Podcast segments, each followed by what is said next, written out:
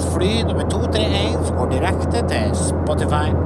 Estimert flygetid er uh, en time. Vi beklager den forsinka avgangen, men vi hadde problemer med en overstadig berusa bonde som slo seg krakilsk i gaten og forlangte hjemmebrent og kaffe. Han er nå vår co-pilot, og stemninga i cockpiten er høg. Vi håper dere får en behagelig flyreise og føler dere fri til å bli på festen fremme i hele med oss. Eh, takk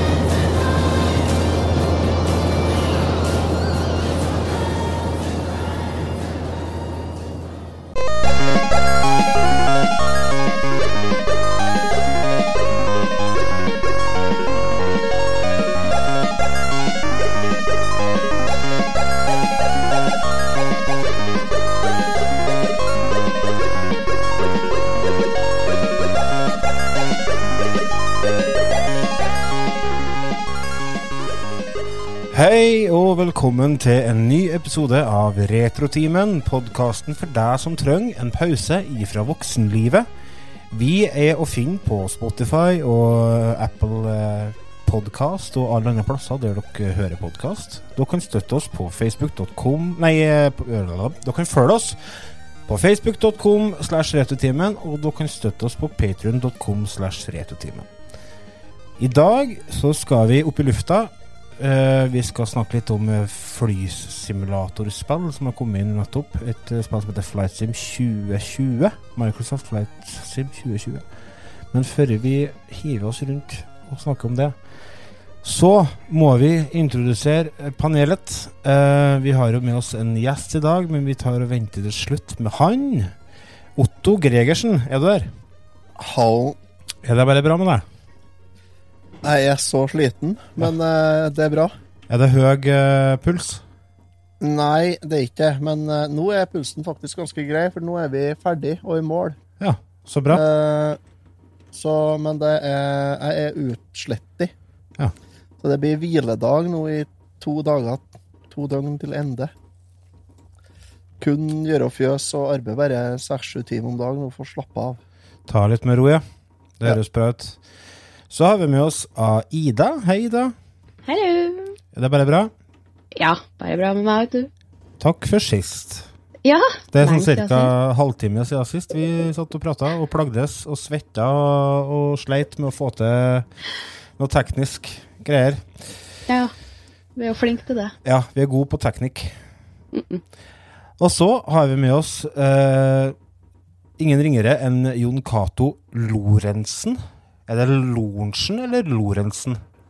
Ja, det diskuterte jeg med noen tidligere i kveld, for det er mange måter å si det på. Lorentzen er det noen som sier her nede i sør, og så er det Lorentzen, og så er det Lorentzen.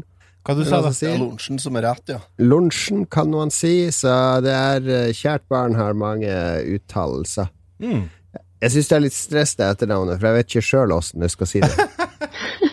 Vi, vi har uh, invitert deg fordi at uh, Jeg satt og hørte en episode Altså, For folk som ikke kjenner deg, du er jo uh, en erfaren gamer og har vært i bransjen i mange år. Nettopp slutta i Krillbite Studio, Riktig. Og du driver podkasten Lolbua, Spillrevyen og Ragequit, hvis ikke jeg har fått med meg feil Ja, jeg driver de to første. Den Ragequit er en sånn uh, Det er en spin-off som noen andre holder på med, så jeg fraskriver meg alt ansvar for hva Ragequit driver med. Jeg trenger ikke mer ansvar i livet mitt. Nei, ok. Men uh, i hvert fall, jeg satt og hørte en episode av Lolbua der du prata om eh, det spillet vi skal snakke litt om i dag. Ja. Og da hørte jeg jo det at dette her var noe du var skikkelig gira på. Så tenkte jeg jeg må høre om han vil være gjest til oss og, og, og dele litt av den entusiasmen. Så for min Ja, del så, så tenkte jeg at ok, jeg må sende på han en melding og høre. Og du var jo gira på det, så det setter vi pris på at du vil være gjest hos oss. Ja, bare hyggelig, det. Eh, før vi hiver oss i gang med selve spillet, så bruker vi å ha en fast spalte som heter For hva har du gjort siden sist? Og den har vi en liten jingle på som vi kjører først. Så jeg vurderer om jeg skal krysse inn panda Det her blir jo ikke bra. Så Jeg ble kontakta av en bekjent, og han hadde 160-170 laserdiskplater. Hva heter det? Tvangsjakke eller tvangsgenser? Jeg husker ikke hva det heter. tvangstrøye. Tvangstrøye! Genser. Hva har du gjort siden sist? Jon Cato, du kan jo få starte med hva har du bedrevet de siste dagene med? De siste dagene er det jo Jeg har jo hatt bursdag, men det er jo Når du er gammel, så er det bare Det går av seg sjøl, på en måte, så lenge det ikke er sånn rundt tall. Men det viktigste jeg har gjort den siste uka, er jo at jeg har begynt i ny jobb. Jeg har begynt i offentlig sektor. Jeg har blitt eh, voksen, kan du si. Du har tredd inn i de voksnes rekker, du. Ja, ja, jeg har begynt å jobbe i Oslo kommune, der det jobber over 50 000 andre mennesker. Ja. Hva det er, Hvilket ansvarsområde har du der, da? Det jobber i eh, Det er mange etater i eh, en kommune, spesielt i Oslo kommune, så jeg jobber i en ganske ny, fersk etat som heter Oslo Origo. Og deres jobb er liksom å eh, hjelpe til med å digitalisere kommunale tjenester som skal hjelpe innbyggere. Så det skal bli lettere å søke om ting, det skal bli lettere å, å ta i bruk. Visste du for eksempel at som innbygger i, eh, oppe i Trøndelag, eh, går jeg ut fra at dere bor. Ja, Så dere har rett til å låne rom og gymsaler på, på offentlige skoler. Det har alle innbyggere rett til å låne. ja. Ja, Men det er litt hassle å låne, ikke sant? Så en av de tingene vi jobber med i Oslo eh, Origo, er liksom å tilgjengeliggjøre det for Oslos innbyggere, så du skal kunne gå inn på nettet eller på en app og kunne leie en gymsal som du har lyst til å dra til, med noen venner for å spille fotball eller noe sånt. Fordi eh, det, det er masse i det offentlige som skal gjøres tilgjengelig for eh, innbyggere, og som, som skal gjøre livet lettere for innbyggere. Så jeg jobber da i i den etaten, og der har jeg ansvar for uh, kultur, kommunikasjon og HR. Så alle de tingene er i, i min avdeling. Tror du at du blir å savne eh, norsk spillbransje med alle de horene og kokain og alt det der? Ja, på noen mange måter jeg, vil jeg jo det, fordi jeg har jeg, jeg, du, jeg kjenner den jo så godt, og den norske spillbransjen er så liten, og uh, det er veldig gøy. Det er veldig mye bra folk som jobber der, men på en annen måte så er det litt som som at jeg har runda det spillet, på en måte. Altså, det Ja. ikke Jeg har tatt platinum i den norske spillbransjen. Eh, det er ikke Det er sikkert Det er masse mer jeg kunne fått til hvis jeg hadde blitt der, men på en måte så føler jeg meg litt ferdig med, med Ja. den jobben. Klar for nye utfordringer? Veldig klar for nye utfordringer. Så fortsetter jo med podkaster og sånne ting, så at jeg er jo ikke helt ute av det å holde på med spill som eh, en uh, kulturformidler. Det er jeg ikke. Men, men du skal tre over til den, til den grå massen som er kommunalt ansatt, da. Ja, det, Ja, det er flott, riktig. Men eh, det er jo altså, sikker jobb, sikker inntekt, sikker fri, sikker pensjon. Det er mye sikkert, da. Ja, det er mye trygt og godt i, i å jobbe i kommunen, men det som jeg tiltrakk meg med Origo, er for det første jeg kjenner jo flere som jobber der. Og så er de, de er såpass nye og ferske at de gjør veldig mye ting Altså De er på en måte liksom gründer-tech-bedrift i kommunen.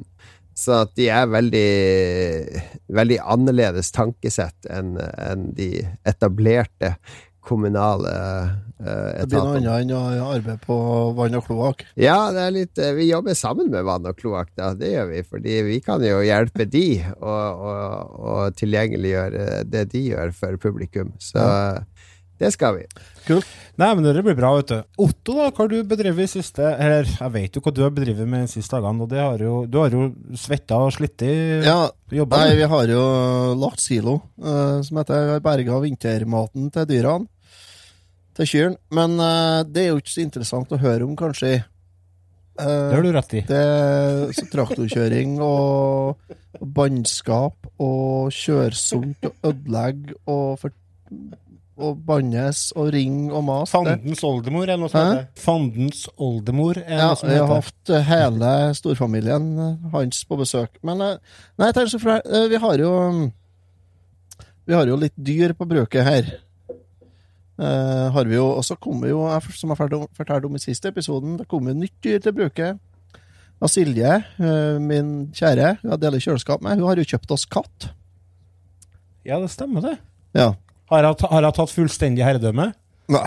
Katta er for så vidt ok, den. Så vi holdt på å la silo her før i dag. Uh, Vi holdt på bakom fjøset her og la en såkalt utesilo på en bakketopp her. Og så sier han, han Erlend som var med og kjørte, som satt og kjørte og fordelte gresset, sier han at nei, du, det står ei ku oppe ved fjøset. Ja, så sa jeg, det, det er greit, de bruker å gå der når de skal gå og, og, og hente og drikke vann og sånn, ute på beite. Ja, nei, de bruker ikke å gå der. Så, jo, så sa jeg de gjør det. Nei da, hun står oppom der de bruker å gå. Jaha, tenkte jeg. Måtte han se. Ja, det gjorde han, ja. Ja, ja. Nei, men det var nå så det. Hun fikk nå bare gå, fant jeg ut. Og så Nei, og så begynte jeg å se, så tenkte jeg faen, kanskje Hun begynte å gå oppover gårdsplassen og sånn. Og det er jo, altså, det er jo greit med kyrne, men når de begynner å fore og, og skal finne ut ting sjøl, så er Utforskertrang. Ja, det er usnedig, er det. Mm. Ja, ja, skjønner det. Så da ringte jeg og fant ut at eh, men herregud, da Silje er jo igjen, hun har jo ikke noe å holde på med. Så eh, Silje og han Eilstein, han odelsgutten, han som er dømt til å ta over skiten, han, eh, de kan jo gå og ordne denne, få kua på rett plass og sånn. Så jeg ringte på Silje, så sa jeg du, det går en ku opp på gårdsplassen, kan ikke du få ta hive henne inni lag med andre igjen? Og så, ja, men så sier jeg, ja, men jeg kan jo ikke gå ifra ungene. Så sa jeg, det er ikke noe problem, ta med en Ola. Så Even og Celine, de to minstene, de sitter og ser TV likevel. Så hun gikk, og jeg så hun hun på kjona med kua, hun og gutten. Så plutselig så var det jo fem kyr oppå der de ikke skulle være. Og så var det mye venking og, og veiving. Jeg så, jeg så at det var bannskap da fra 250-300 meters hold, så så jeg at det var, at det var bannskap. Og at det ikke var At det var ting som ikke var greit. da Så jeg fant ut at faen, jeg må vel kjøre bortover da og hjelpe dem. da Så jeg gjorde noe, da, Så jeg kjørte noe bortover da og skulle hjelpe dem. da Uh, Imens da så hadde Celine, hun mellomsta vår, hun dattera vår Hun er litt egenrådig, ja, Celine. Ja. Mm. Bitte litt. Hun hadde fått beskjed om at hun skulle passe på en Even, da, han toåringen. Vi fikk noen plass og så gikk hun Silje igjen. Og så fikk jeg melding ifra. Nå skal jeg lese meldinga jeg fikk. Celine skulle passe Even. Både Even og katta var ute når vi kom tilbake. Fikk heldigvis tak i katta. For katta har vi jo skrevet under kontrakt på at skal være inn i fire uker, for hun er jo nysterilisert og hele hopprennet. Ja, ja. Silje kom inn, da satt Celine i sofaen med TV-en på og nettbrettet i fanget. og så lillebroren, som hun hadde lovt dyrt og hellig at jeg skulle passe på, han var borte. Så sa jeg, hvor er en Even? Nei, det er Even. så Nei, altså, her går dagene som man bruker. Det er liksom, det er, det er jevnt kaos. Ja. Ja. Jeg kjenner jeg er glad jeg ikke har unger. Nei, du aner ikke hva du går glipp av. Altså. Det Eh, Ida, hva har du bedrevet siste dagene med? Har du gjort noe kult? Jeg- ja, litt kult. Jeg har begynt på skole. Ja, hva du skal Du holder på å skal bli studert? studert? Ja. Utstudert? Utstudert, så Ja. nå går jeg hagedesign. Så nå skal jeg begynne å tegne hager. oh, Det høres litt smalt ut. Nei da, vi spør jo til folk, ser på hagene, måler opp og tegner, og så spør vi nå kanskje litt hva de ønsker å ha. Brukshager eller pyntehager eller ja, litt forskjellig. Det er et eget marked for designhager, er det du sier? Ja, blitt veldig populært. Folk har for mye penger, altså. jeg skulle jo si folk har for mye penger, altså. Bruker mer og mer penger på hager for tida. Ja, folk er faen ikke rett, men tullete folk er sjelden rett. Ja, ja. Men uh, har det, er det lenge siden du har gått på skole, da? Eller er eh, har du jobba lenge? Eller? Jeg, jeg kjenner jo ikke deg så godt. Du er ennå. 14, Lars. Det, er hvor lenge kan det være siden? 14? Hun er gamlere enn Rasmus, ja. Nå. Ja. ja. Ja. Nei, Jeg er to år siden jeg utdanna meg som gartner, så Ja. jeg går nå skole litt hele tida. Ja. Nei, da var det på tide å begynne på det igjen, ja. Ja, ja. Men du, da har jeg et tips. Vi har jo en patrion som heter for eh, Kjetil. Han heter sikkert Ketil, men jeg sier Kjetil, da. Masta. ja. Mm. Han har jo kjøpt seg hus nå, og lurer på om jeg kan komme med skurtrøsker og fjerne trærne uti i hagen. Skurtrøska, Ja, ja. kanskje det er mer en jobb for deg, da, å ta seg av den hagen hans. Jeg vet Ja, ikke, jeg. kanskje. Ja. Nei, jeg tar ikke og fjerner noe. Det er anleggsgartnerne. Ja, ja, men du kan tegne en ny hage. Har, du- har du sett, uh, sett den nyinnspillinga av uh, Hva heter den eh, Wesenlund-filmen der han spiller så mange roller? Norske byggeklosser. Norske byggeklosser, vet du. Når han driver og, og eh, klager på alle de småtingene som snekkeren ikke har ordna. For det er jo sånn som finsnekkeren skal komme og ta. Er, er, er det litt samme forholdet mellom dere og anleggsgartnerne? Nei, vi kan jo ikke pisse dem opp for mye, for da blir jo ikke noe rett i forhold til tegningene mine. Jeg blir jo den irriterende arkitekten til byggerne. Ja, ok. Mm. Eh, jeg har sakte, men sikkert blitt sugd inn i eh, en rar verden. Eh, jeg driver og spiller Spiritfarer på PC, og det er Jeg snakka litt om det i forrige episode. Det er jo et eh, indie-eventyrspill. eh, Mm. som er, det er nesten litt sånn tegnefilmkvalitet eh, over det.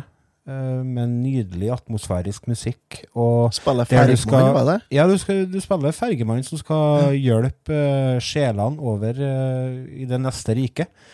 Mm. Og eh, samtidig som det er en del eh, Animal Crossing-lignende elementer. da Du skal drive og bygge ut denne ferja di med forskjellige ting. da Kjøkken og uh, vevstu og hva det ikke er for noe alt i hop.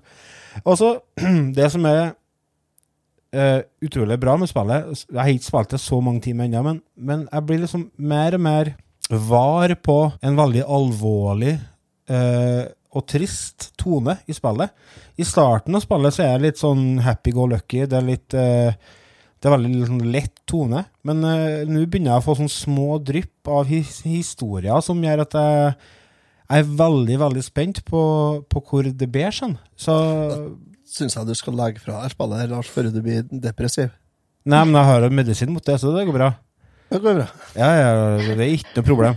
Det er du og Bjarte Tjøstheim. Nei, men vi tar en pille. Ja, ta en pille, så går det fint. Jeg er så medisinert at jeg kjenner jo ingenting lenger, så det er jo ikke noe problem. Men uh, det er i hvert fall et spill som jeg har veldig stor trua på at det kan bli veldig bra. Så det har jeg holdt på med. Og mer trenger jeg ikke å si egentlig om den saken. Nei. Så da tror jeg vi hopper i gang med ukens spill. Thank you.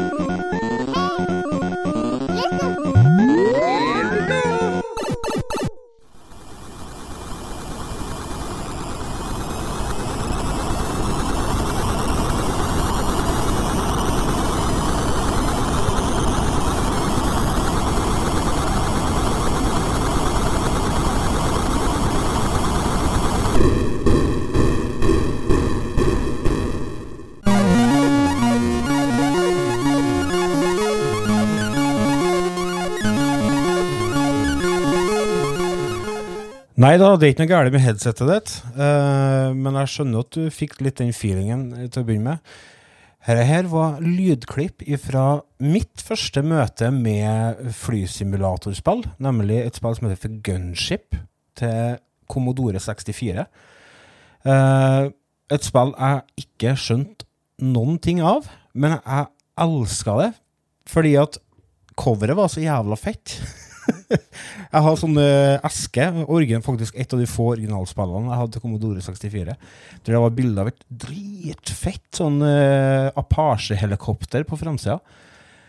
Og så var det noe med det simulatoraspektet som, eh, som var veldig sånn uh, forlokkende. Og det har egentlig vært med meg helt siden da. Jeg har bestandig vært veldig gira på det med, med simulatorer og og spill. Og det er jo ikke til å stikke under en stol at simulatorspill har jo blitt veldig, veldig, veldig mye bedre siden 1986, når eh, det spillet her kom ut. Og nå i Ja, det er vel en liten måned siden, så kom jo Microsoft ut med sitt Microsoft Flight Simulator. Og jeg har aldri opplevd en sånn hype i forkant av et simulatorspill. Fikk dere med dere det som eh, skjedde i media i forkant, eller? Ja, noe. Hva du tenker på, da? Nei, altså det var, det var veldig mye deling av uh, grafikk, bilder, og så det med at du kunne forre hvor du ville, og, mm. og du kunne se huset ditt, og det var mye snakk i, i forum på Facebook og på Reddit, og det var generelt eh, litt sånn Det koka litt i forkant. Mhm. Og det har jo ikke koka noe mindre etter at spillet kom ut. Jeg kan kjøre monolog, altså. Det går bra, det. Nei, nei, Eh, bare, men jeg, jeg, sitter vi må bare hoppe inn hvis det er noen som føler på Altså, største utfordringa mi med simulatorspill har bestandig vært at uh, sjøle læringskurven i spillet er for bratt. mm. Uh, det er for vanskelig å komme seg inn i. Eh, det har de fiksa ganske elegant uh, på det spillet her, for henne hen kommer jo faktisk på Xbox, uh, nye Xboxen. Og da er det jo tilpassa én kontroller. Og jeg har spilt det på PC med en vanlig Xbox One-kontroller, og det funker veldig bra. altså. Du Jon Cato har jo jeg deg jo i den podkasten at du har jo tatt det litt videre. Jeg spilte i mange ulike varianter, men ja, det er sant at det er uvanlig at det er så mye hype for et eh, Altså, flight simulator Jeg har vært i, i møter til flightsimulator.no, klubben i Norge, for å lage reportasje om dem. Ja. Og det er veldig seriøse, eh, gamle menn. De er mye eldre enn oss. Altså, de Ja. er 60 pluss. Ja. Uh, og de driver ikke med dataspill, de driver med simulatorer. Ja. Så når jeg, når jeg hinta om at de driver og spiller og leker, at de flyr og sånn, så ble de veldig sure. Så, så det, det var, har liksom alltid vært sånn eksklusiv klubb, de der simulatorfolka. De har kun drevet med det, og, og sånne spill som X-Plane, som har vært det ledende flysimulatorspillet fram til nå. Det er veldig kronglete for folk flest å begynne å, å bruke det. Det er liksom sånn, må kjøpe flyplasser, må kjøpe ditt og datt, og, og liksom bygge spillet ditt på egen hånd.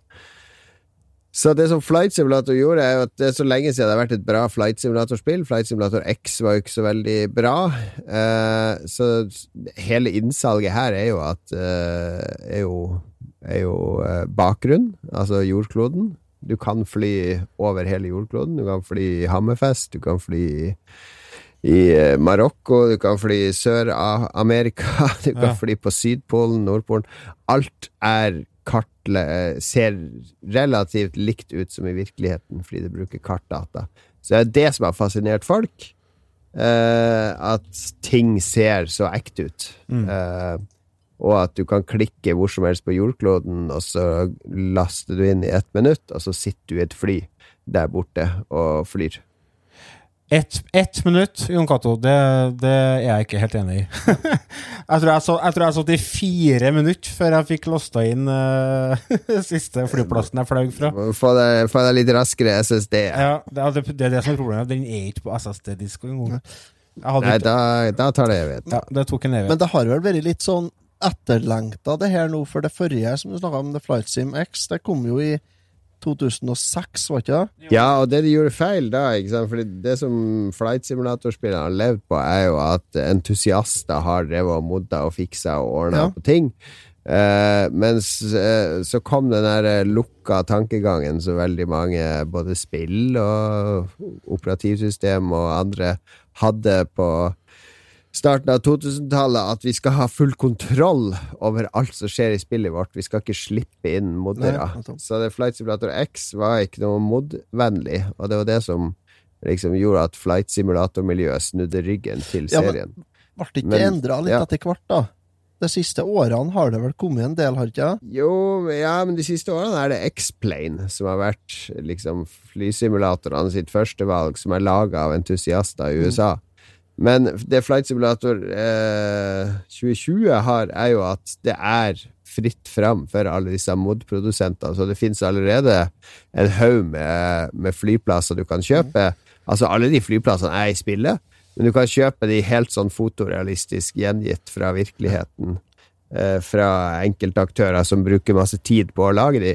Eh, så jeg, jeg, ikke, jeg orker ikke å kjøpe bruke 200 kroner på at Innsbruck skal se bedre ut. Jeg er ikke så, så interessert er jeg ikke. Jeg så eh, fikk anbefalt å kjøpe eh, en sånn London DLC-pakke.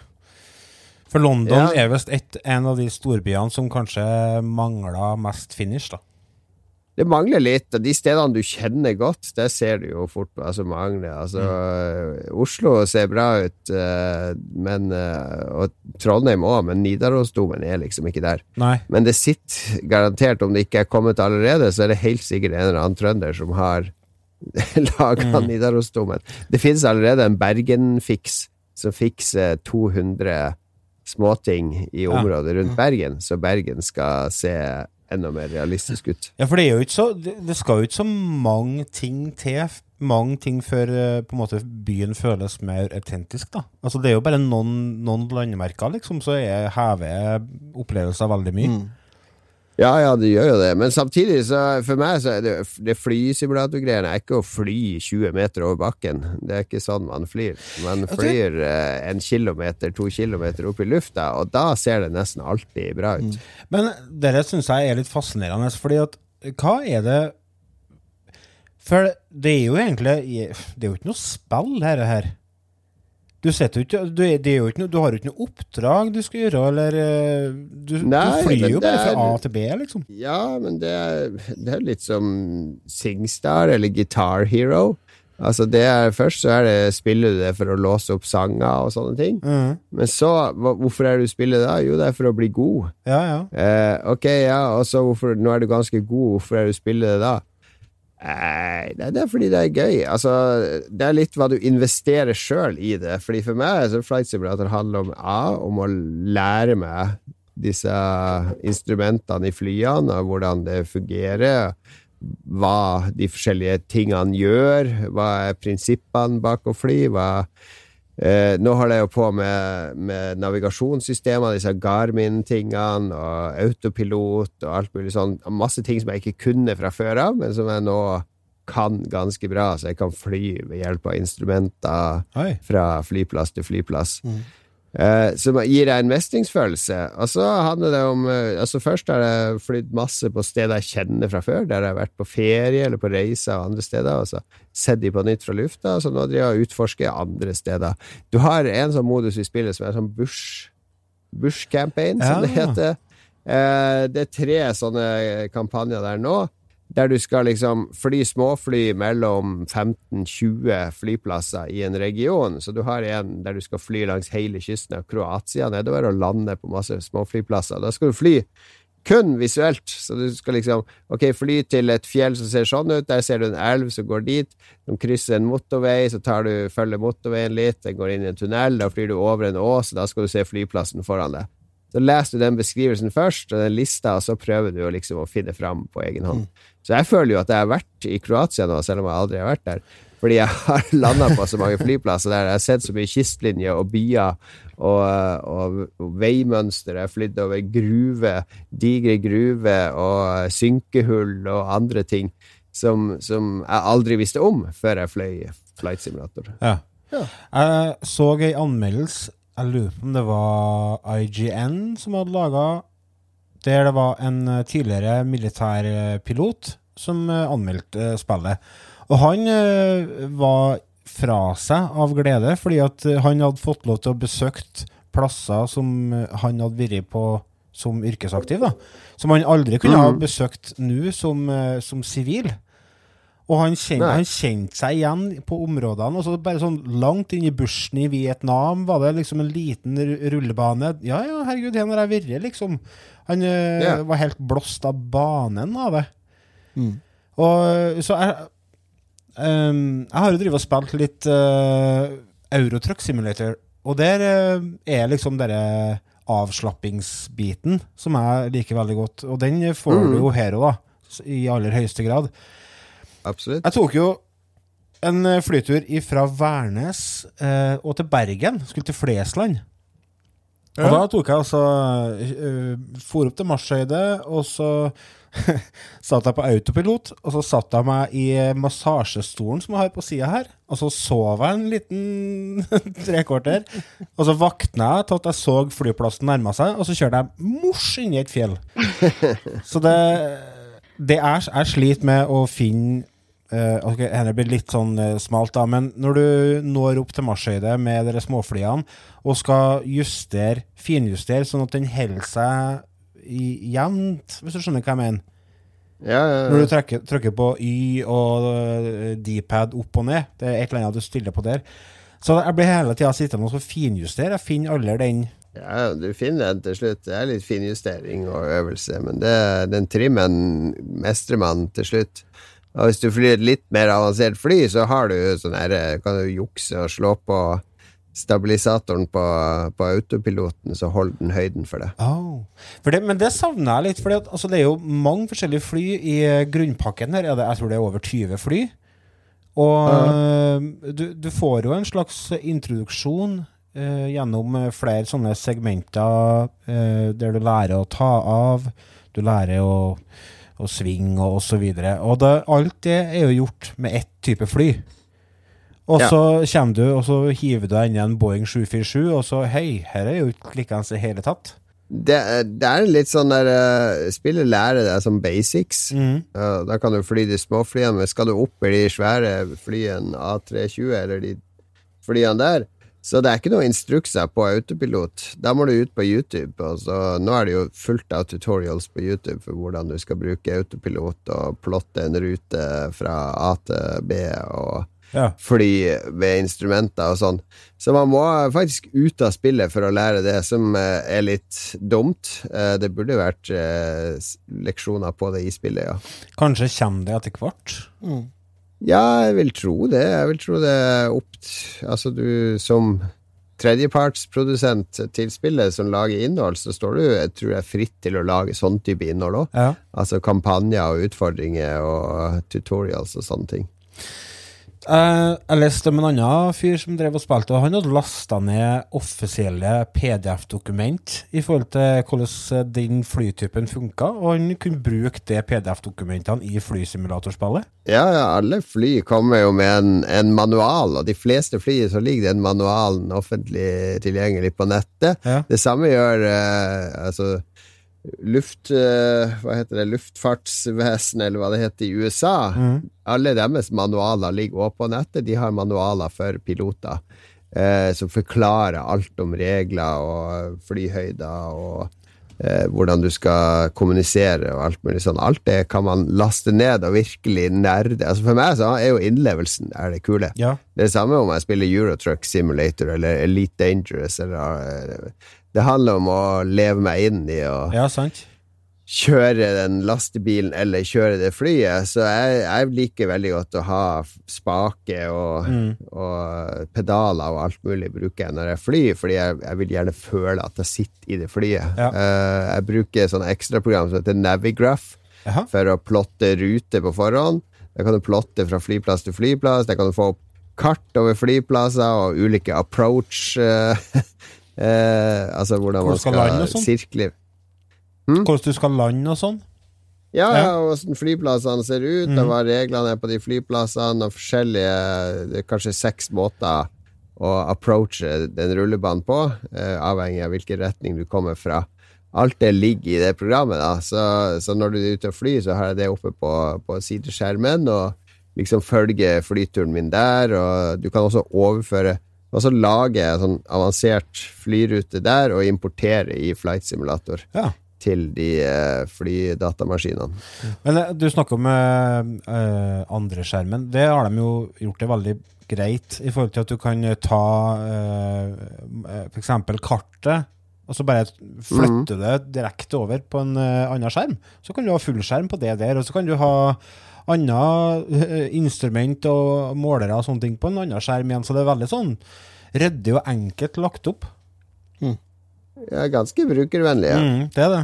Jeg føler en bruker på, på YouTube som, eh, som har uh, gjort litt karriere i dette med, med flight sim-spill og sånt som heter for Air Force Proud 95. Han er ganske mm. kjent eh, med å lage eh, Han har spilt veldig mye Flight Simulator X og har laga veldig mye artige videosnutter der. Og han har lagt ut noen videoer, annet med en multiplayer-video.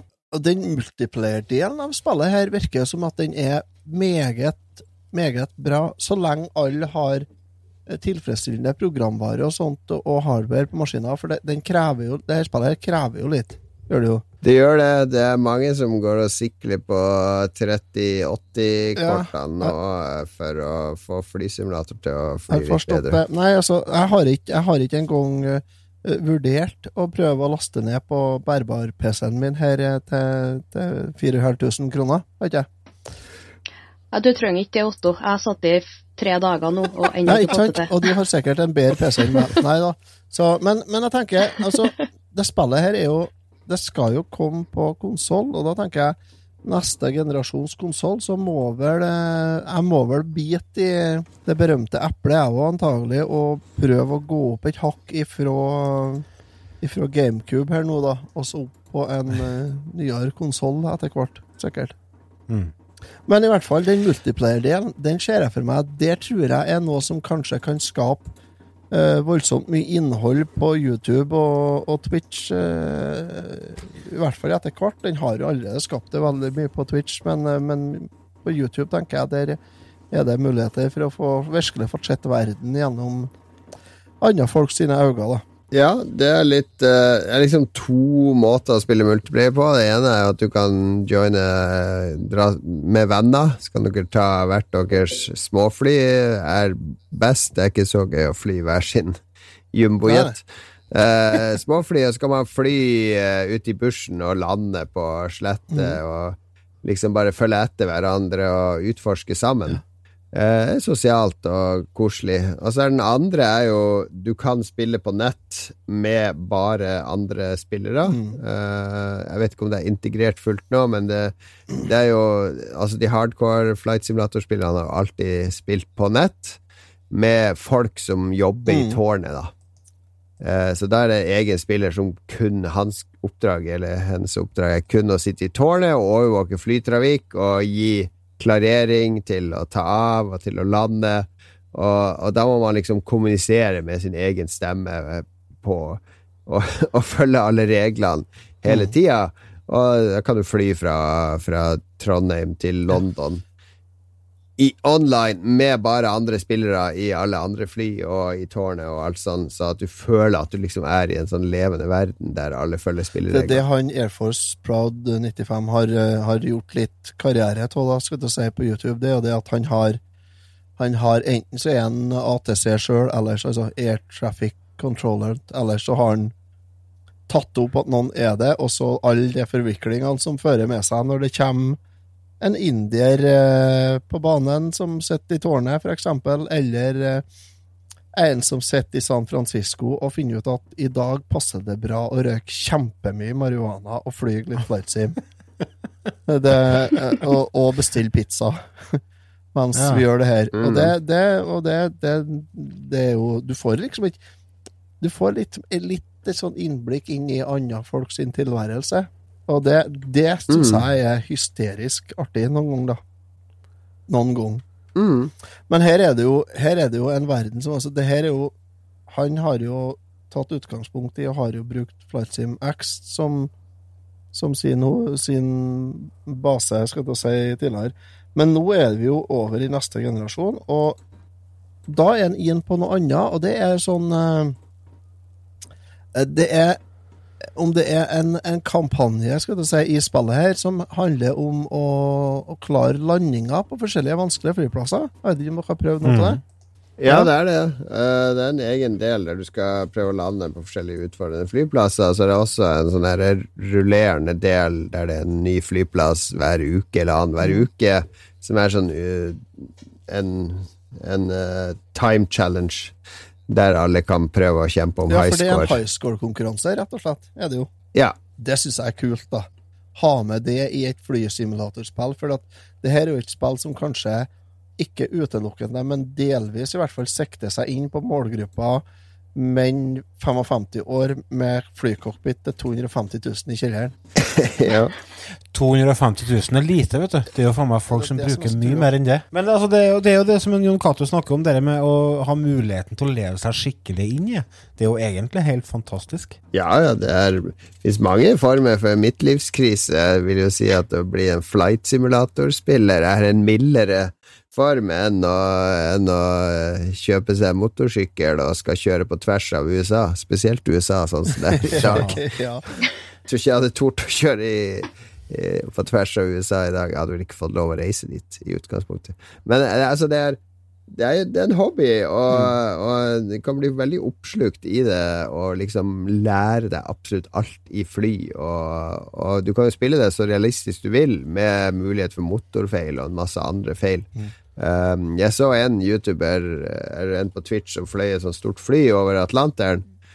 Der motoren slo seg av midt i flighten, som kan skje eh, ved en feil. Og da måtte han kjøre sånn sjekkliste for å slå de på igjen. Det er sånn som alle piloter gjør på. Ja. Eh, det er ikke min svigerbror, eller min, mitt søskenbarn, er gift med en pilot som flyr masse småfly, og han har også opplevd motorfeil en gang.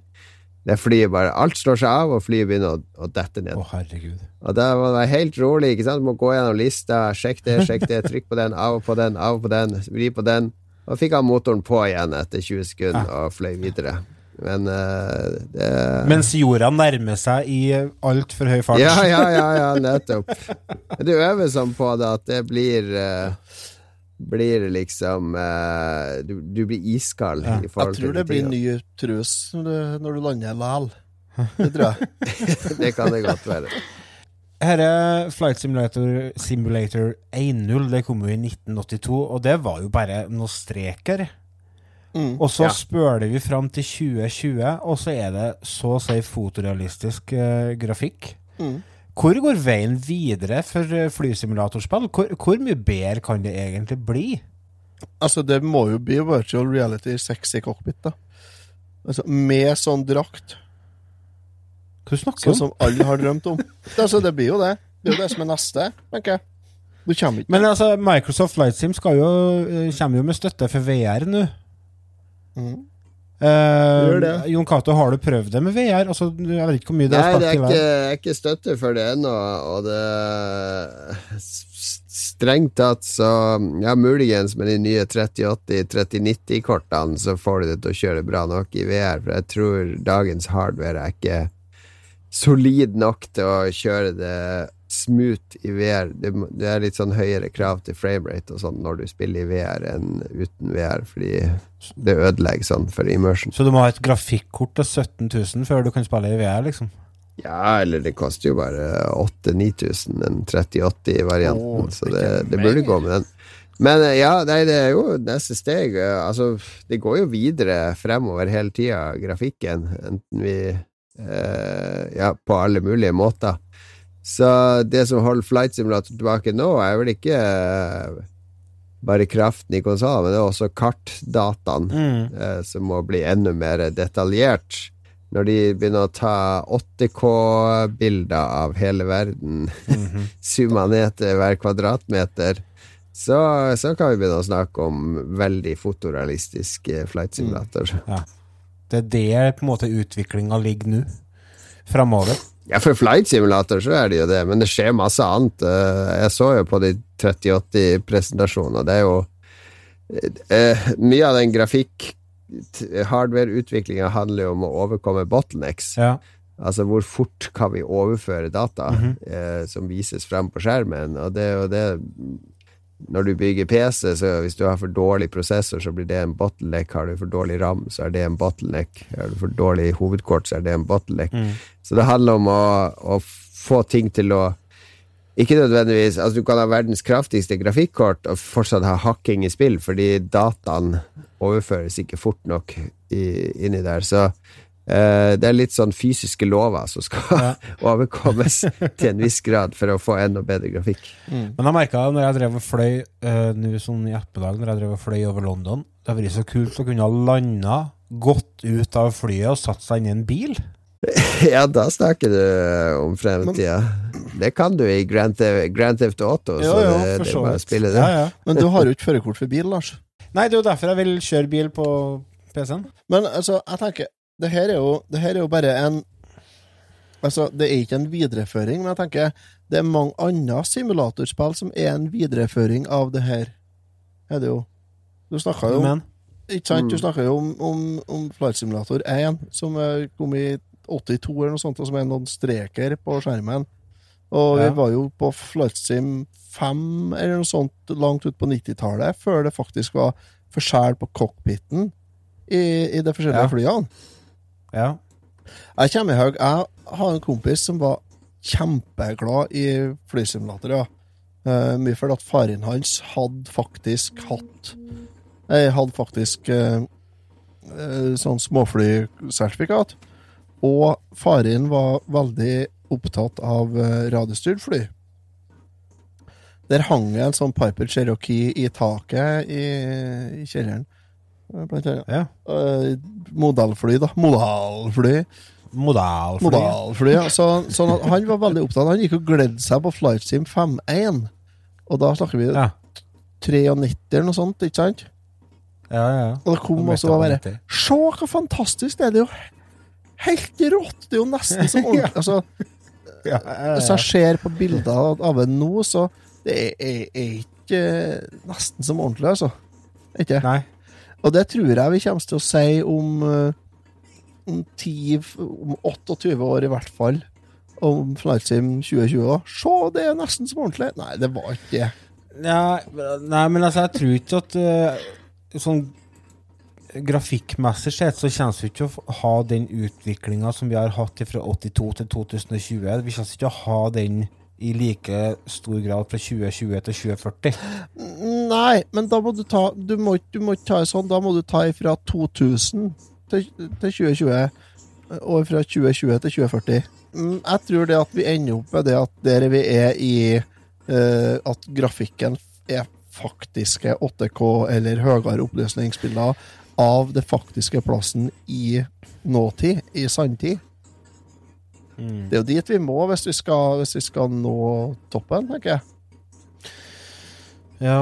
Nei, altså Man kan jo utvikle grafikk så mye man bare vil, men altså Det viktigste er jo at det er artig å spille, så jeg tror nok kanskje det at uh, vi kommer til å se mye nye måter å spille spill på. Da. Ja. Og så kanskje det er der utviklinga vil uh, merkes best. Mm. Både i forhold til For jeg tenker sånn eh, Multiplayer over nett er jo fortsatt egentlig bare i barndommen.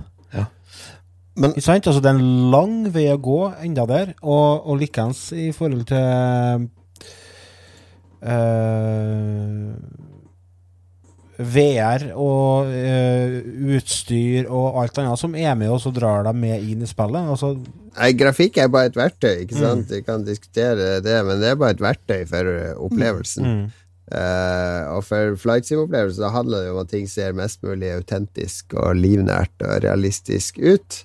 Uh, og, og per nå i dag så gjør det det. Altså, det er jo det uh, Det er jo den Barrieren er jo der, på et vis. Det jo, folk kjøpte jo TV til 10 000 kroner på 80-tallet, så de mente hadde krystallklart bilde. Ja. Hvis du ser på en TV og en TV-sending fra 80-tallet, så vil du le høyt sammenligna med din 4K Blu-ray-spiller i dag. Eh, fordi referansepunktene er ikke der. Det Referansepunktene nå er at eh, den opplevelsen i Flight Simulator med å se på jorda og liksom streame hele jorda inn til datamaskinen din, er eh, grensesprengende, rett og slett. Og det samme med spill som Last of Us 2 eller whatever. Det er det er cutting edge av hva vi får til av grafikk nå, og derfor er det jo det mest realistiske vi har. Men det er, til syvende og sist er det bare et verktøy for en opplevelse, Eh, så jeg er ikke så opphengt i akkurat Samtidig det. så er det ikke nødvendigvis sånn at den beste grafikken gir den beste spillopplevelsen bestandig. Nei, sånn har det aldri Nei, vært. og, og Det- ofte Det er ikke den best produserte plata som har den beste musikken. Nei. Det er sant. Veldig sant. Nei, og så tror jeg det at i og med at uh, TV-spill og dataspill har blitt Nå er det skikkelig mainstream. Og det er, det er ikke bare gutter fra 8 til 14 som driver med TV-spill. Nå er det alle fra lille Knut på 3 til bestemor på 90. Hele aldersspektet og begge kjønnene er, er med og gjør at bransjen kan tjene mye penger på å være kreativ. Gjennom å skape gode spillopplevelser. Så jeg tror det at vi kommer til å se mest mulig utvikling der, kontra den grafikkbiten. Det, altså det, det kommer bare så langt, tror jeg. Før det på en måte blir litt sånn eh. Ja ja, dere var litt likere enn det forrige, men eh, det utgjør ikke så mye forskjell likevel, for at eh, det viktigste er uansett at spillet er artig å spille. Men eh, vi i Retrotimen vi bruker å gi karakterer, vi, på spill. Og da bruker vi det gamle karaktersystemet, som var lite godt, til S. Er du kjent med det, Jon Cato? Ja, ja, det har gått på skole i gamle dager, jeg òg. Så i og med at det bare er jeg og du som faktisk har spilt det spillet her nå også, kan du få lov til å kaste Eller dra frem boka først og gi din karakter på spillet? Uh, ja, ja, jeg har jo allerede anmeldt det i Pressfire, der jeg ga det toppkarakter, så jeg må jo være konsekvent der. Nå har jeg spilt det enda mer enn da jeg skrev anmeldelsen i Pressfire, og jeg er fortsatt helt oppslukt i det, så for meg så er det her en soleklar S. Altså, det er et av årets aller, aller beste og viktigste spilleopplevelser, ikke minst Ja. i den konteksten vi lever i nå, med korona, og der mange av oss sitter låst inne og lengter etter å besøke steder i verden Mm. som vi ikke får lov å dra til, så er det enda viktigere og enda bedre. Eh, jeg er jo i utgangspunktet uh, litt uh, utfordra i spillet her, så jeg spiller jo bare på en måte i arcade mode. Så min karakter, det, det blir en uh, solid M. Jeg savner litt mer uh, Kall det oppdrag, da. Altså fly disse kassene her til, til London, fly uh, passasjerene her derfra til dit. At det har vært noe som blir litt mer motivasjon for spillet. Men, men det handler vel kanskje mer, litt mer om hvordan jeg spiller spillet. At jeg eh, kanskje heller må havne i sånn pilotmodus. Så Men en sterk M og en ren S, det er jo jævlig bra. Det må vi si. Uh, vi skal ta en liten kjapp pause, og så er vi straks tilbake.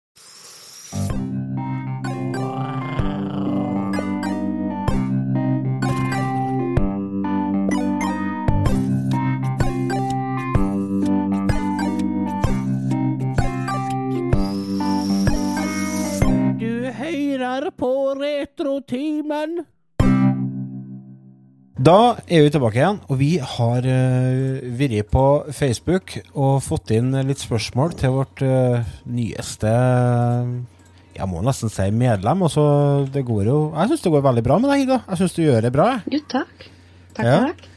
Så vi, du er jo litt på sånn uh, Hva heter det når du eh, Prøvetid. Prøvetid, ja. Det er, jo, det er jo litt prøvetid. Og jeg og Otto er, vi er jo på prøvetid, vi òg, for du skal jo trives her, du òg. Men i hvert fall, vi har fått inn litt spørsmål til deg, da. Som yeah. lytterne våre har lyst til å få svar på. Og da eh, starter Mm. vi med en god gammel kjenning som heter for Espen Asweed. Eller Åsved. Åsved. Eller Asved. Ja.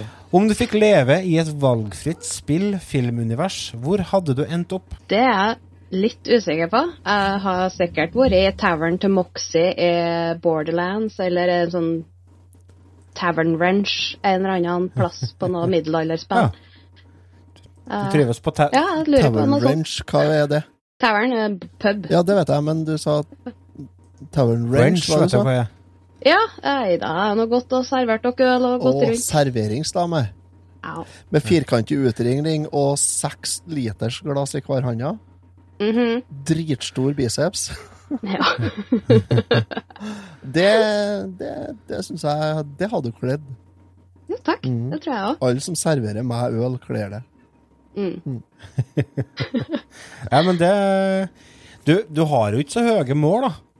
Altså, jeg må si det. Altså, du har en hel altså, Uendelig mange verdener, og så ønsker du å bli bartender. Vel, Ja, nei, jeg ser for meg det har vært perfekt i min lille verden. velkommen Ja. til Da er ingen som er borti meg, skal jeg da si, og så Det er jo det. det, har jeg jo altså, all informasjon rundt hele verden. Du har ikke servert så mye av det.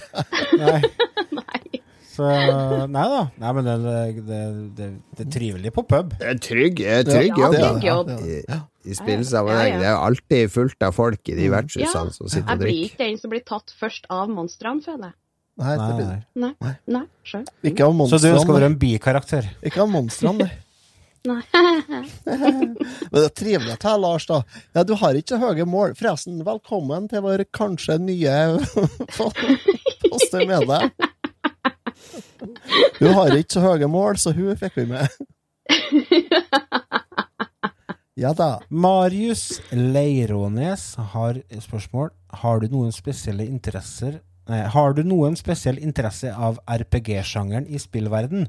Om ja, er det japansk, japansk RPG eller den mer vestlige varianten? Og i så fall, hvorfor? Uh, ja, RPG-spill, det spilles jo mye. Uh, jeg tror kanskje jeg havner mer på den vestlige varianten. Uh, på Japan så er jo Nino Kuni, uh, for eksempel. Mhm. Men jeg er mer på Dark Souls-serien. Bloodborne, Horizon New Dawn, Borderlands. Ja. Litt den sjangeren og varianten. Mm. De må ikke ha blått hår og øynene igjen. Nei, trenger ikke det. Eh, det blir fort veldig mye. Hva var det de sa igjen, Lars? De prater sånn her babysema, laba». De sier jo det. Det betyr hei på japansk. Ikke noe mer enn det. det bare, bare hei. Bare Men hei. hva er det som gjør at du foretrekker den vestlige varianten av RPG kontra den japanske? Eh, På Japan så kan det fort bli litt mye. Eh, bort, sett bort ifra Nino Kuni, så klart, for det er jo en stor favoritt i min lille verden. Men eh, jeg liker kanskje litt mer på et dark side. Humoren til Borderlands er jo fantastisk. Mm. vi setter jo grapskatte her når vi spiller Hva det. du sa du gjorde, sa du? Ja, Grapskatte. Grapskatte. Det var det jeg prøvde på, i hvert fall. Grapskatte? Det er, Glemmer den. det skal klippes ut. av dagens jingle, ja, det er rett Takk. inn på jinglemakeriet, det. Ja, nei, jeg er stolt. Vår kjæle Kjæle, ikke sant? Du setter gjerne vi er av deg, altså. Kjæle, hello? Vår kjære Patrion Robert Engeli spør Er det noen spesiell film eller TV-serie du ønsker å ha episode om i Retrotimen? Um, nei. Ok, jeg takk. Da, neste. Ja. det er ikke noe spesielt jeg Du tenker på. satt jo og så en film her eh, i går. I Ja. går. Det, I går. Og da ble vi jo tent på å lage en episode om den. Og det er jo Ja. Hvilken film var det? Police Academy. Det var vel toa jeg satt og så. Mm, Politiskolen. Så det blir en episode om eh, Politiskolen og Police Quest. Eh, det blir en sånn politispesial. Kanskje neste gang, hvis vi rekker. Hvis ikke vi, jeg har ikke helt oversikten over sendeplanen, så jeg må se litt på den. Har du en erfaring med det, Jon Cato? Police Quest og Politiskolen og det? Politiskolen Jeg er så gammel at jeg husker jeg så Politiskolen Ja. på kino Det- i sin tid. det Det var jo Ja, det er litt rart eh, å sitte og se det i dag, syns jeg. Er det første gang du ser Politiskolen? Nei, nei, nei. Det er oppvokst med dem fra barndommen min. Faren okay, din er vel okay. politi, Da da? er det greit. Ja, mor mi var utdanna, hun òg. Ja, så det var det inn med Ja, morfolka ja, ja. og se Politiskolen. Litt skolering. Nei, eh, Police Quest har jeg også spilt eh, masse. Det var veldig vanskelig første Police Quest, fordi du måtte bruke de her kodene, 10-4, og du måtte Mm. melde inn riktig tallkode, eh, altså drunk driving og sånn, så da måtte vi Husker jeg vi hadde et eller annet dokument som vi printa ut. Altså jeg fotokopierte på skolen til pappa på kopimaskinen på læreverset lærerverset der. For jeg måtte ha oversikt over alle de politikodene, så du kunne melde det inn riktig. Ja, jeg lasta ned det nye Det, jo, det kom jo ut som en litt mer tilgjengelig utgave. Blant annet der du får til å bruke musa. Så jeg håper at eh, det skal være litt enkelt. Ja, ja, ja. Det er det jeg har fått tak i. Vemund Mellevold Melvold, er inntrønder? Jeg, jeg lot Otto svare på den, for jeg måtte google hva er inntrønder er. Nei, skjerp deg! Lars, nå Vi skal ha Vi skal ha, Vi skal vi skal ha. Det, det blir ikke stjerne i morgen i dag. Det blir ikke det, altså. Eh, Det blir ikke Du, men Vemund, ja. ja, Ida hun har vokst opp i en gård oppe i Sparbuen, der kjøkkenet er inne på Verdalen. Ja. Og soverommet hennes Anne på. Verdalen. Ja. Er det, hva er inntrønder, oss som aldri har det vært er dem som bor på en måte i indre delene av Trondheimsfjorden.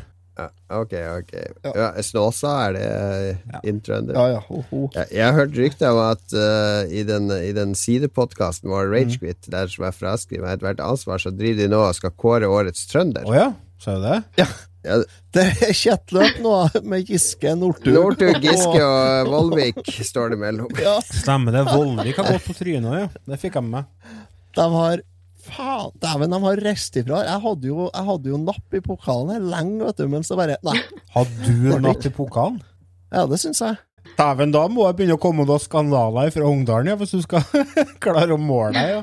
Carl Peder Sjømæling skriver 'beste fantasyforfatter'. Leser du noe? Er du glad i bøker? Jeg leser veldig lite, uh, men jeg kan jo høre på noen lydbøker i stedet. Uh, Jeg kan jo lese, tror ja, jeg. jeg kan lese. Eh, nei, så jeg er veldig glad i Patrick Rutfuss, for eksempel. Ja.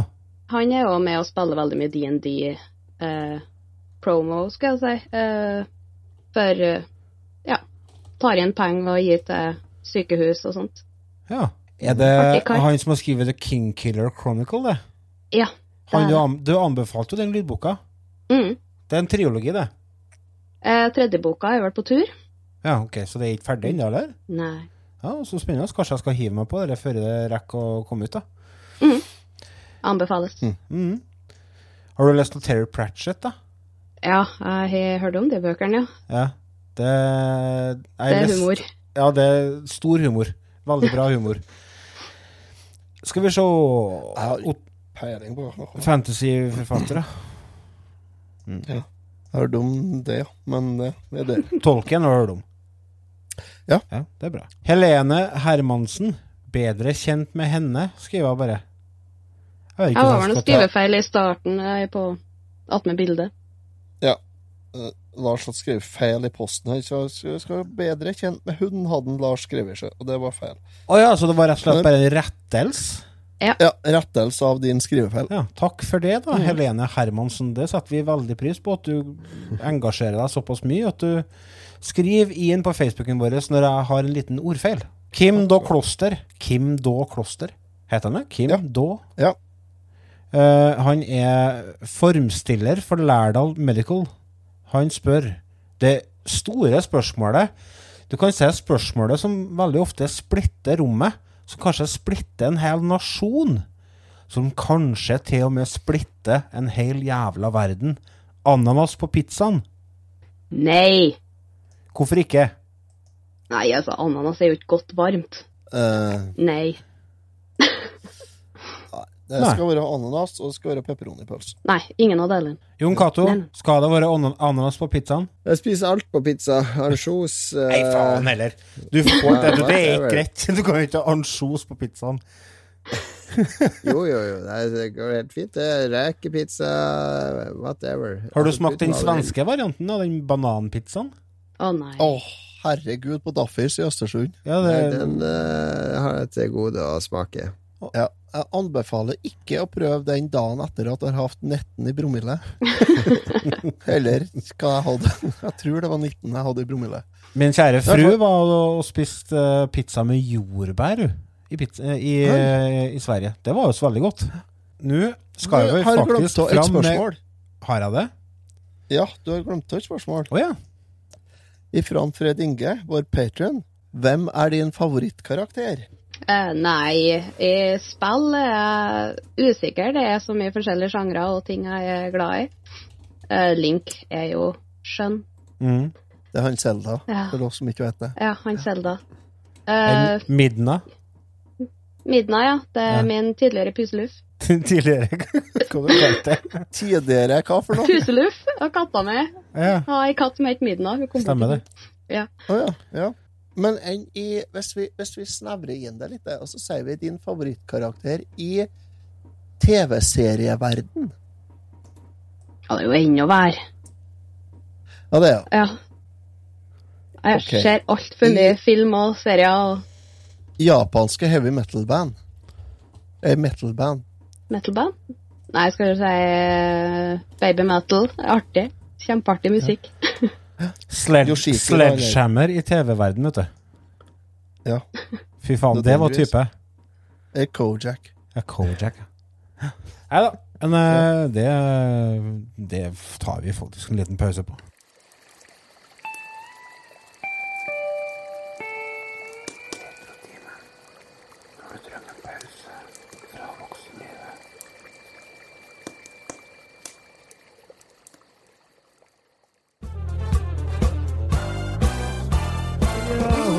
Pølse og Nonstop, hva er forskjellen? Stor pinup med jordbærsmak og sjokoladetrekk. Har aldri smakt det i hele mitt liv. Retrotimens 80-talls godteritest.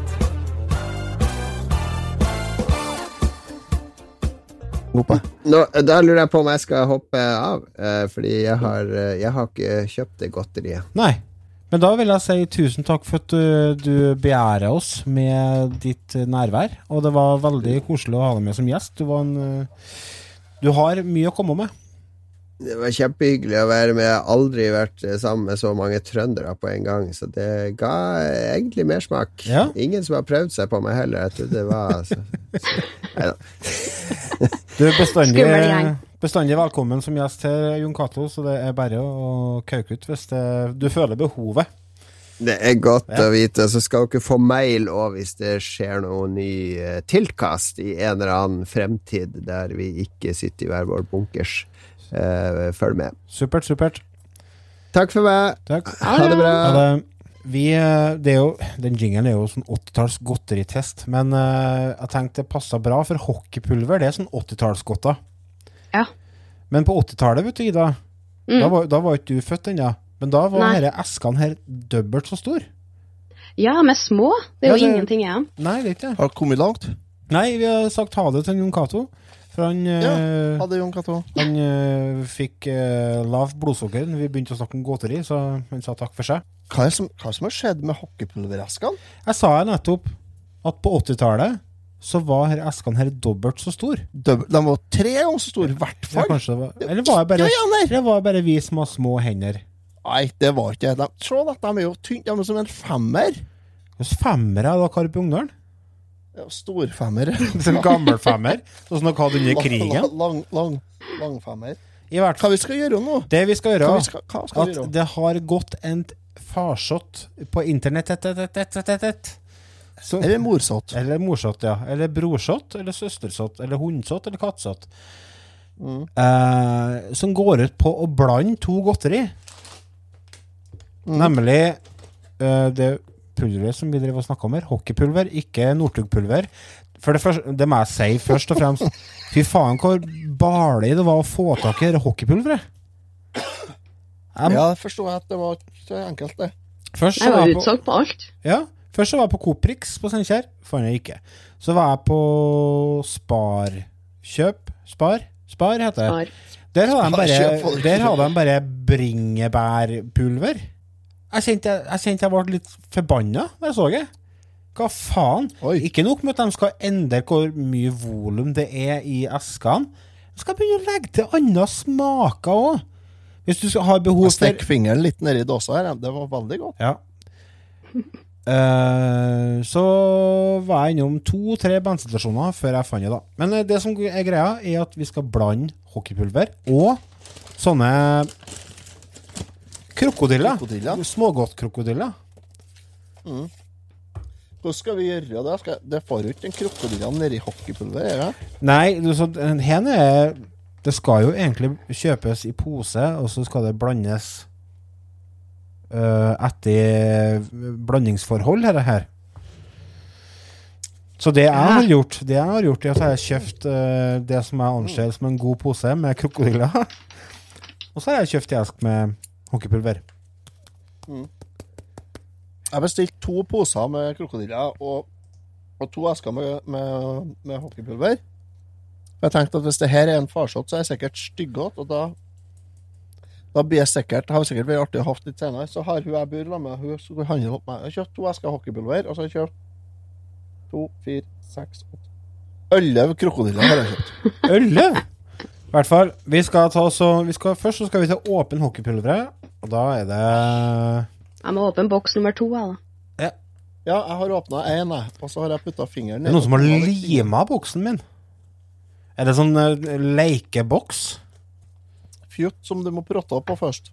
Kan jeg sleike litt på krokodilla først, før jeg dupper den nedi, liksom? Ja, Det ja, du kan prøve å duppe den, ja. Det går an. For at det, på det jeg har sett, så har de tømt Oi. hele posen oppi. Det er pulver overalt her.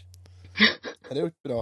Men ok, skal vi gjøre sånn først da at vi tar oss og sleiker litt på krokodilla, og så dupper krokodilla nedi eska? Mm. I dåsa.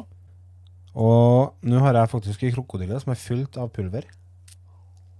Oi, den går nesten i oppløsning. Mm, Jeg setter på lokket og rister litt, jeg tror jeg. Har du krokodiller i boksen? Hvilken boks er du har? Det Skulle Han har tømt, har du tømt over i snusboksen sin. Mm. Nei. Å, fy faen, dette var godt. Ja. Har dere aldri tatt sånn Haribo-bjørner og duppa i hockeypulver? Nei? Nei. Nei, jeg må ikke gjøre det. Jeg har gått glipp av noe. Mm. Dette kan virkelig anbefales. Var... Smaker ikke bare hockeypulver, egentlig. Nei, Nei. da gjør du feil. Jeg skal, jeg skal tømme det med litt hockeypulver inni munnen helt. Men så har her. Det ble sånn kanel-challenge på nytt. Ja.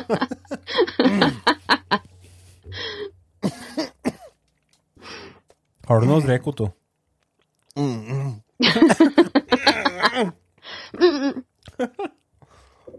Nei, dette var, dette var saker. Jeg anbefaler det her. Det var kjempegodt. Det var en sånn fin blanding eh,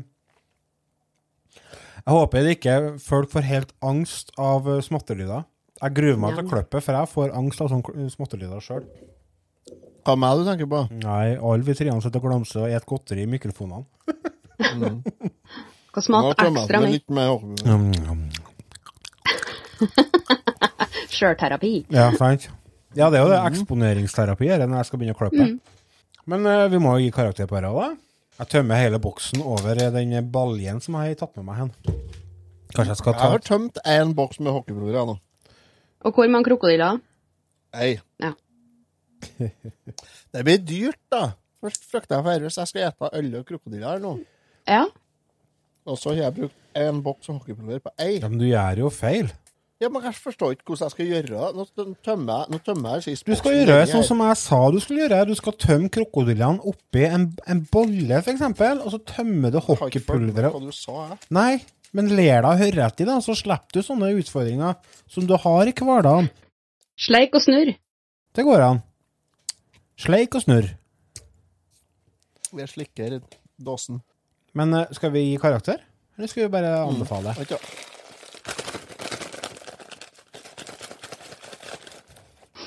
Nei, det er må godt, bare jeg anbefale det her. ja, ja. Jeg ga Microsoft Flight Sim en eh, solid M. Jeg gir heller noe en solid M. Jeg tror jeg òg gjør det. Mm. Altså, alt som har med hockeypulver, er jo Det er meget, da. Det er M. Mm. Jeg tror M pluss, jeg. Det var faen meg dritgodt. Dette skal jeg ete opp før jeg går opp. igjen. Ikke lett å smake. Nei. Nei.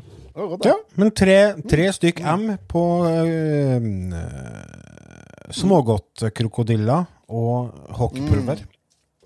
Mm. Vi takker deg, kjære lytter, for at du har fulgt oss gjennom hele denne podkasten om Flight eh, Simulator og mye annet rart. Og vi takker Jon Cato, som har vært gjest hos oss. Og hvis dere vil støtte oss, så går dere inn på patreon.com slash retrotimen. Og så må dere huske på å følge oss på Facebook, for der skjer det mye rart. Facebook.com slash Returtimen. Så tror jeg vi bare sier takk for oss, og så høres vi igjen om i vekka. Takk for oss. Ha det bra. Takk for oss. Takk for oss.